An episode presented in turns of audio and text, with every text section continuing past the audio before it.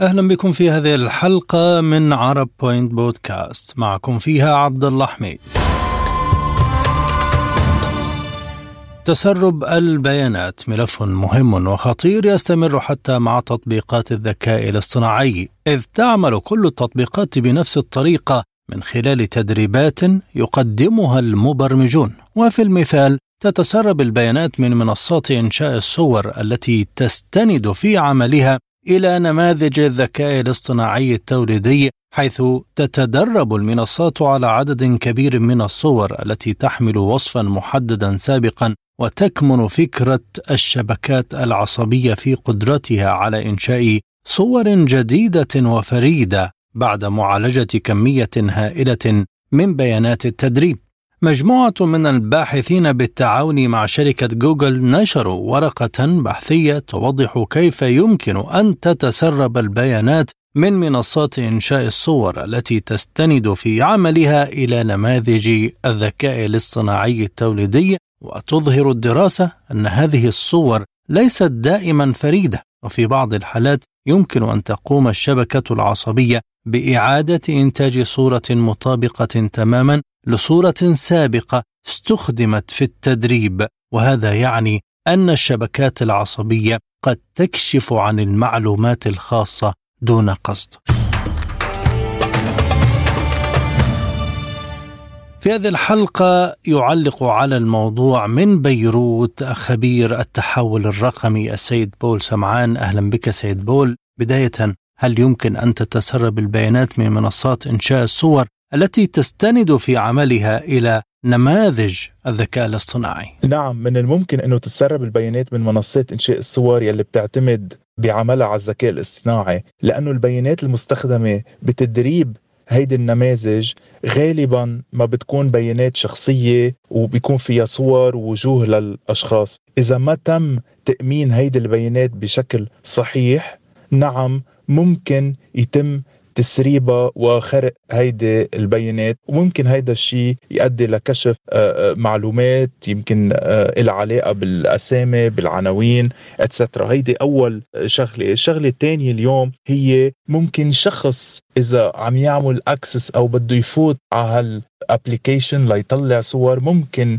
يسرق لنا ال username وال password أو اسم المستخدم وكلمة المرور ويقدر يفوت يشوف المعلومات يلي نحن اشتغلنا عليها أو إذا كان في history آه، للمعلومات يلي نحن اشتغلنا عليها. so so إذا شخص أخذ لنا ال username و password تبعنا وقدر فات على ال application بالنسبة للصور يعني التنوع في النتائج المطلوبة للأشخاص ليس موجودا في تطبيقات الذكاء الاصطناعي. فهل ذلك يؤثر عليه؟ يمكن أن يؤثر نقص التنوع بنتائج منصات إنشاء الصور بالذكاء الاصطناعي على الأشخاص بعدة طرق. مثلا إذا كان شخص عم يبحث على صورة معينة لشخص معين أو مكان معين ممكن ما يقدر يلاقي هالصورة الدقيقة باستخدام النظام للذكاء الاصطناعي. سو so, هيدا ممكن يؤدي كمان لخيبة أمل. ممكن يؤدي عدم وجود تنوع كمان بالنتائج إلى تحيزات حول مجموعات معينة من الناس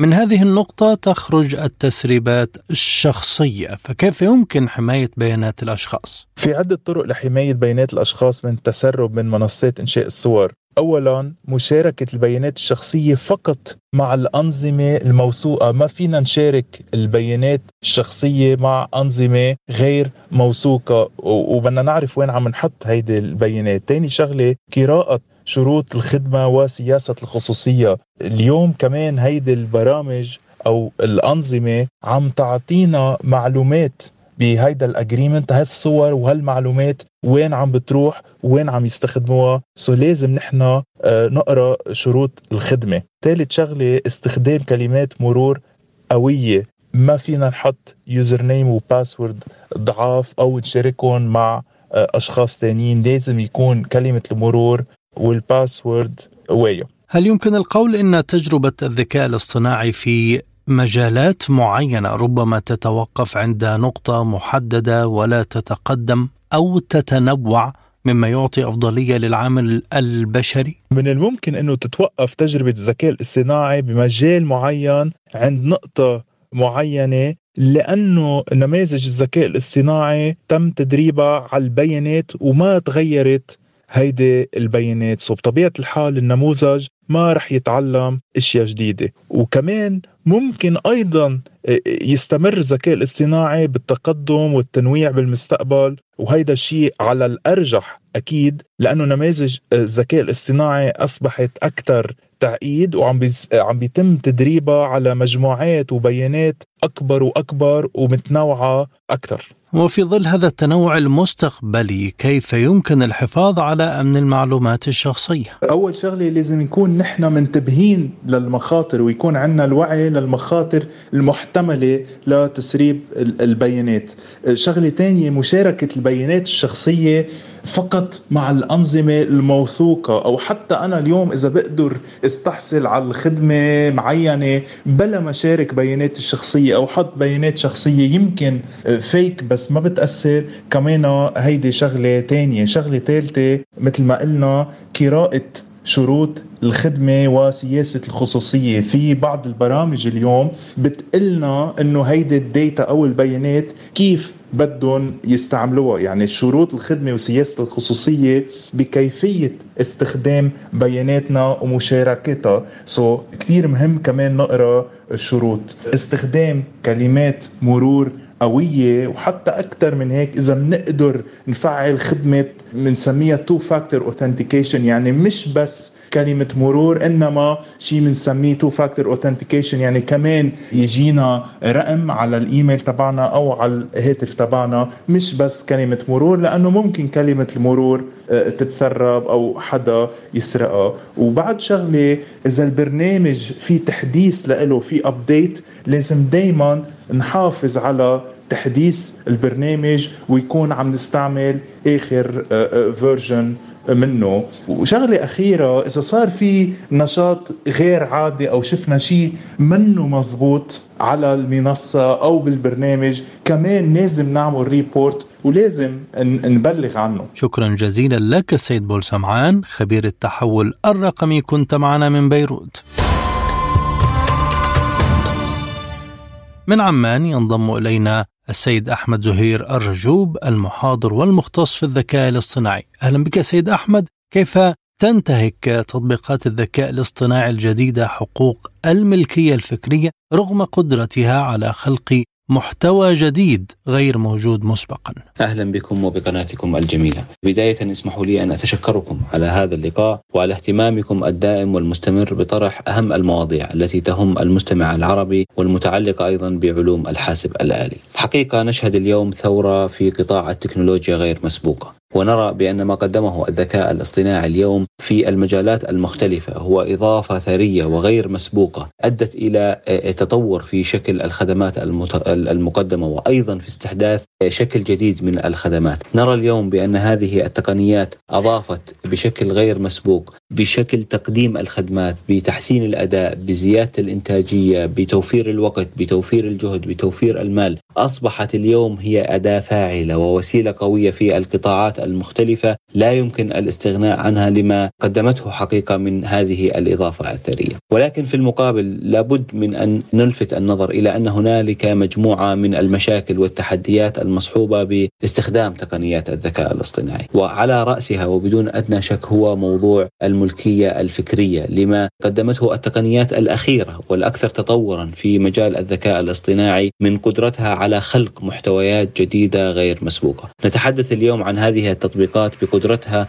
على خلق محتويات غير موجودة مسبقا في قواعد البيانات وإنما تستطيع خوارزميات الذكاء الاصطناعي من إنتاج مثل هذه المخرجات سواء كانت على شكل نصوص أو على شكل صور أو على شكل ربما مقاطع فيديو أو غيرها بقدرة على تحليل البيانات. وهنا لابد أن نفرق للإخوة المستمعين بين الطريقة التقليدية في استخراج المعلومة سابقا. على سبيل المثال عندما كنا نقوم بعمليات البحث في جوجل. تقوم خوارزميات البحث باستخراج معلومة ضمن قواعد البيانات الضخمة ولكن هذه النتائج التي يتم إظهارها للمستخدم هي معلومة موجودة مسبقا في قواعد البيانات. اليوم عندما نتحدث عن هذه التطبيقات في خوارزميات الذكاء الاصطناعي نتحدث عن قدرة على خلق معلومة غير موجودة مسبقا في قواعد البيانات. وإنما يتم دراسة هذه البيانات يتم تحليل هذه البيانات يتم الكشف عن الأنماط الموجودة في هذه البيانات واستخدام هذه الأنماط بهدف خلق هذا المحتوى الجديد. اليوم نرى بأن استخدام مثل هذه التطبيقات يصاحب العديد من المشاكل وعلى رأسها بدون أدنى شك هو حقوق الملكية الفكرية. يكون ذلك حقيقة بعدة. بعدة أشكال لاختراق حقوق الملكية الفكرية. على رأسها هو اكتشاف النمط وخلق محتوى جديد بناء عليه. هذا النمط أو هذا الميكانيزم لنسميه بشكل أو بآخر الذي قامت عليه خلق هذا المحتوى بشكل أو بآخر لابد من أن نشير أنه من حق الشخص نفسه. فعندما نقوم بطلب من تطبيقات الذكاء الاصطناعي أن يقوم بإنتاج صورة معينة بناء على دراسة مجموعة من الصور التي تم إنتاجها من من قبل فنان معين فإنها تقوم بتحليل هذه الصور اكتشاف النمط الذي يقوم بالرسم من خلاله والذي هو بشكل أساسي هو مجال الإبداع مجال التميز لهذا الشخص الذي يقوم بإنتاج أعماله من خلالها ولكن هنا نرى بأن خوارزميات الذكاء الاصطناعي استطاعت أن تكشف هذا النمط استطاعت أن تكشف هذا السر في في إنتاج لوحات المختلفه ومن ثم تقوم بتقديم صورة أو عمل فني جديد بناء على نفس هذا النمط الذي هو من حقوق الملكية لهذا الشخص. هذا من جانب سيدي. من جانب آخر نتحدث عن لربما بعض الخوارزميات التي تقوم بإنتاج محتوى مقارب بشكل جدا لما هو موجود في قواعد البيانات وخاصة عندما يكون هناك كم كبير من هذه العينات الموجودة في قواعد البيانات بمحتوى متشابه. هنا في هذه الحالة فإن دراسة أو استخراج النمط الموجود في قواعد البيانات ومن ثم استخدام هذا النمط لإنتاج محتوى جديد فإن المحتوى الجديد سيكون بشكل مطابق أو قريب جدا آه، لما هو موجود في قواعد البيانات. وهذه مشكلة تظهر حقيقة عند عدم التنوع في مصادر قواعد البيانات. وبالتالي فما إن ما يتم إنتاجه سيكون بشكل مطابق أو قريب جدا لما تم إنتاجه من بعض الأشخاص وبالتالي هذا هو اختراق بشكل مباشر لحقوقهم في أعمالهم الفنيه. أيضا لربما تظهر مشكلة أخرى في استخراج نفس المحتوى لعدة أشخاص، فعندما القيام بعمليات آه، آه، آه، لربما الإنتاج أو خلق المحتوى الجديد باستخدام خوارزميات الذكاء الاصطناعي لعدة أشخاص فإن النتائج لربما ستكون متقاربة بشكل قريب جدا، وهذا حقيقة يعني لابد من أن يكون هنالك تشريع أو حل على مستوى عالمي بشكل أو بآخر. حتى نتجنب نسب مثل هذه الأعمال نفسها لعدة أشخاص مختلفين وهي في الحقيقة تم إنتاجها من قبل الآلة هل تمثل استخدام تقنيات الذكاء الاصطناعي لبيانات المستخدمين لأغراض تدريب الخوارزميات على خلق محتوى جديد تعدي على بياناتهم الشخصية؟ حقيقة عندما نتحدث اليوم عن استخدام خوارزميات الذكاء الاصطناعي في علم البيانات وما تمثله من قدرة على النظر في البيانات، على تحليل البيانات، على دراسة هذه البيانات بهدف الخروج بمعلومات جديدة غير مسبوقة لربما تكون معلومات تنبؤية أو معلومات تحليلية أو غيرها. نرى اليوم بأن هذا لربما من أهم ما قدمه علم الذكاء الاصطناعي وخاصة اليوم أننا نجد استخدام هذا العلم المتعلق بعلم البيانات في مجالات مختلفة سواء كانت عسكرية، طبية، صناعية وغيرها، لما أضافه حقيقة من قدرة غير مسبوقة. وحقيقه ذات نتائج مذهلة في تحليل البيانات وإظهار لربما بعض المعلومات حتى التنبؤية المستقبلية عنها. اليوم نتحدث عن استخدام علم البيانات في تحليل قواعد البيانات المتعلقة في المحتويات المختلفة بهدف خلق محتوى جديد، وهنا لابد أن ننظر إلى الموضوع من زاويتين مختلفتين. في الزاوية الأولى إلى مصادر هذه المعلومات التي تم أو مصادر هذه البيانات التي تم استخدامها لأغراض التحليل، هل تم الوصول إلى هذه البيانات بطرق سليمة؟ هل تم هنالك موافقة من قبل المستخدمين على استخدام بياناتهم وتحليلها؟ وهذا حقيقة موضوع أثير الجدل حوله في العديد من التطبيقات وخاصة التطبيقات المتعلقة في وسائل التواصل الاجتماعي التي نجد كم هائل من البيانات المتعلقة بالمستخدمين عليها لما يشاركوه أو يستخدموه في مثل هذه المواقع ببياناتهم الشخصية، وبالتالي في الناحية الأولى لابد أن ننظر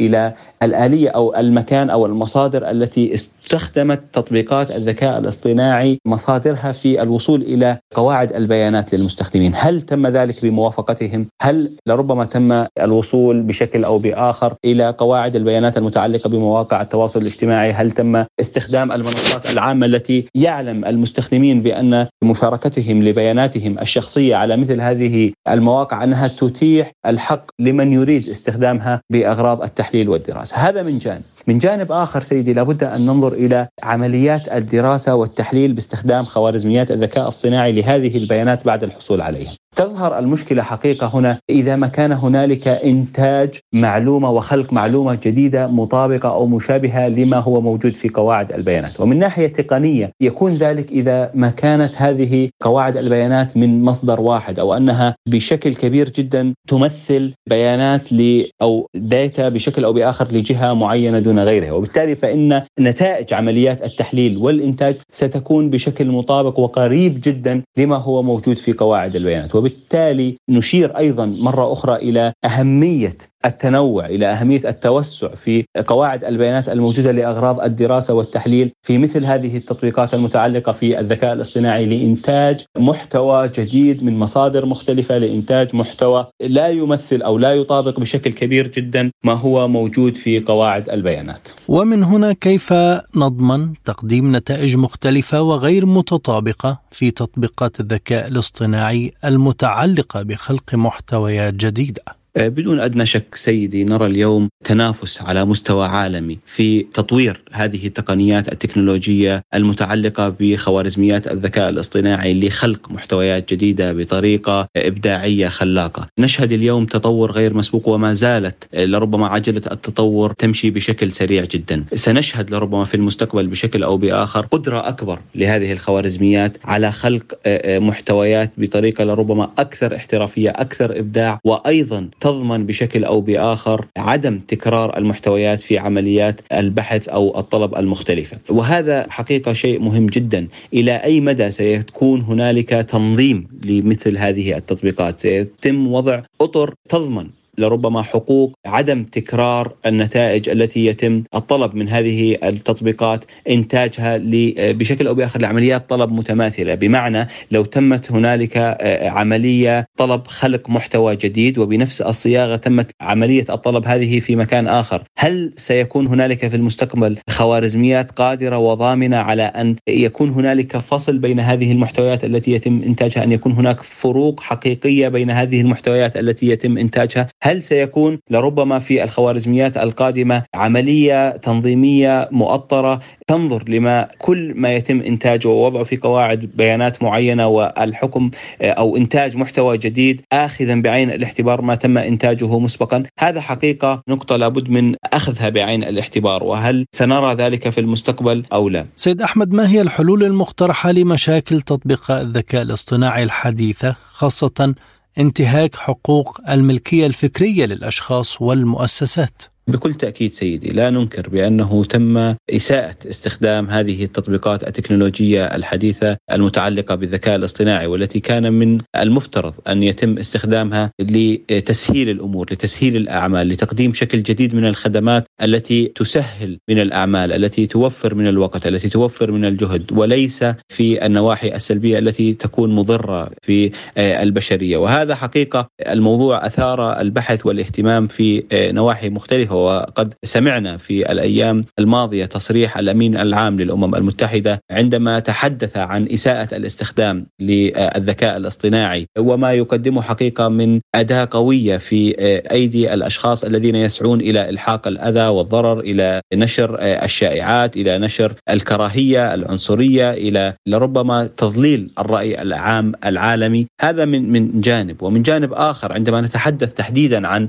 التطبيقات الأخيرة الذكاء الاصطناعي نتحدث حقيقة عن محاولة انتهاك لحقوق الملكية الفكرية للأشخاص والمؤسسات، نتحدث عن قدرة مثل هذه الخوارزميات على إنتاج أعمال إبداعية ونسبها إلى أشخاص ليس لديهم الحق بذلك، نتحدث عن اكتشاف الأنماط، اكتشاف الطرق التي يقوم بها هؤلاء الأشخاص المبدعون أو المؤسسات التي تمتلك الحقوق لمثل هذه الأعمال الفنية، وبالتالي بعد اكتشاف هذه الأنماط في استخدام خوارزميات ستكون الآلة قادرة بدون أدنى شك على إنتاج أعمال فنية مشابهة ونسبها إلى أشخاص لا يملكون الحق بذلك عندما نتحدث سيدي عن كل هذه المشاكل ونريد تقديم حلول لابد أن يكون هنالك ميثاق دولي على مستوى الدول وعلى مستوى المؤسسات على مستوى عالمي أيضا يحكم استخدام مثل هذه التطبيقات التكنولوجية في نواحي الخير. هنالك أيضا لابد أن يكون شرعنه دوليه لاستخدام هذه التطبيقات، لابد أن يكون هنالك آه، مجموعة من المعايير والأسس التي تحكم استخدام هذه التطبيقات التكنولوجية بما يضمن استخدامها بمنفعة البشرية، بما يضمن أيضا عدم التعدي وعدم اختراق حقوق الملكية للأشخاص والمؤسسات. شكرا جزيلا لك السيد أحمد زهير الرجوب محاضر ومختص في الذكاء الاصطناعي كنت معنا من عمان. شكرا جزيلا مستمعينا الكرام على حسن المتابعة طابت أوقاتكم وإلى اللقاء.